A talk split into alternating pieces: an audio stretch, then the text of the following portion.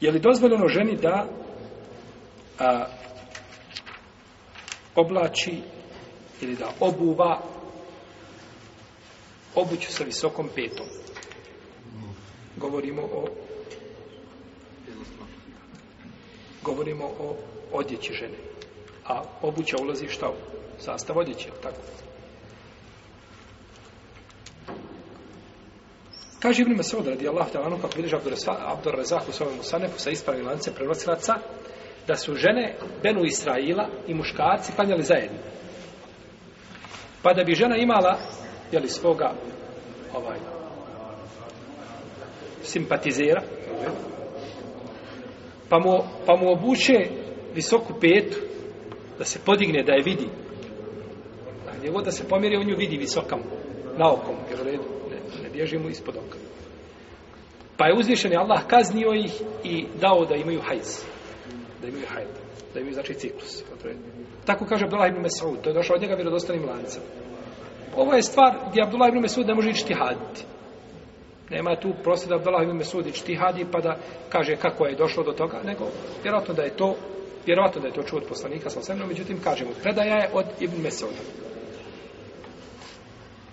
Pa ako žena oblači obuću sa visokom petom, da bi time bila izazovnija, da bi se pokazala muškarcima, to je haram.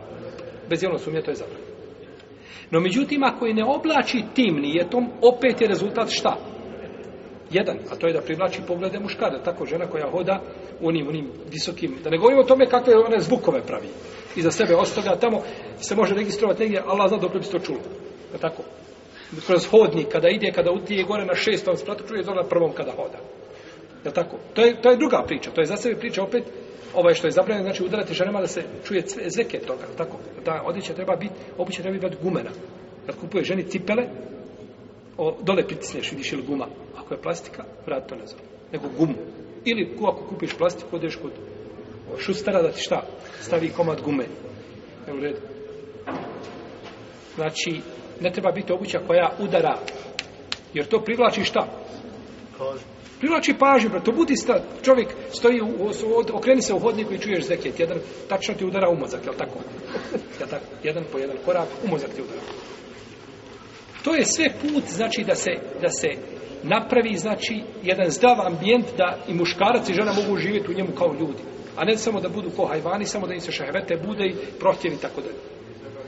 Ovaj, Pa žena znači time, znači ovaj, a, e, je li isto obraćao da, da žena, dvije žene hode, jedna hoda u štiklama i druga hoda u normalnoj ovu. Samo, sam njen hod privlači poglede muškarca, tako. Kako je kako hoda, kako se nabada na štikler, tako, tako se privlači poglede. U svakom slučaju, to je neispravno. A ima još jedan stvar što ulema spominje u knjigama svojim spominju, kažu to je zabranjeno zato što žena može lako pasti. To je nestabilnost kad hodi dobro jedino koliko god iskustva da imaš da nađeš na one na one rešetke gdje će u glavu u glavi ćeš se ostati bez cipela tako ili bez pete u nemilju. Ovaj polomic. Zato je ženi najprirodnije. To je neprirodno braćo. Kad bi rekao to isto ženi, ićeš pešašće 6 km. Hajde ušti kvama. Ne, ja ću kao nešto drugo. To se vidi to je neprirodna obuća. Nego to oblačiš Allah zna kakvim povodima, tako? Da to je ovaj islamska ulema Ibn Baz kaže da je najmanje što može biti od to, te običe jeste da je mekruh. Da je ta odjeća, znači običe ostvari mekruh. I spominjamo da kažu posebno, kaže ima štetu ovu a, tjelesnu. Da je štetno tako, to je neprirodan položaj. Nije te Allah napravio da budeš ovako kriv da ti pa, pijete budu gore od prstiju više ovaj 15 cm.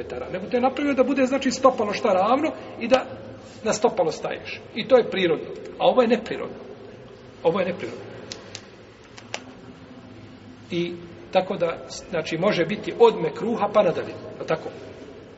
A Allahu alem, ovaj, malo je koji će spasti harama na ovakav jel, način, našto kako se to danas čini i kako se ta obuća je pravi.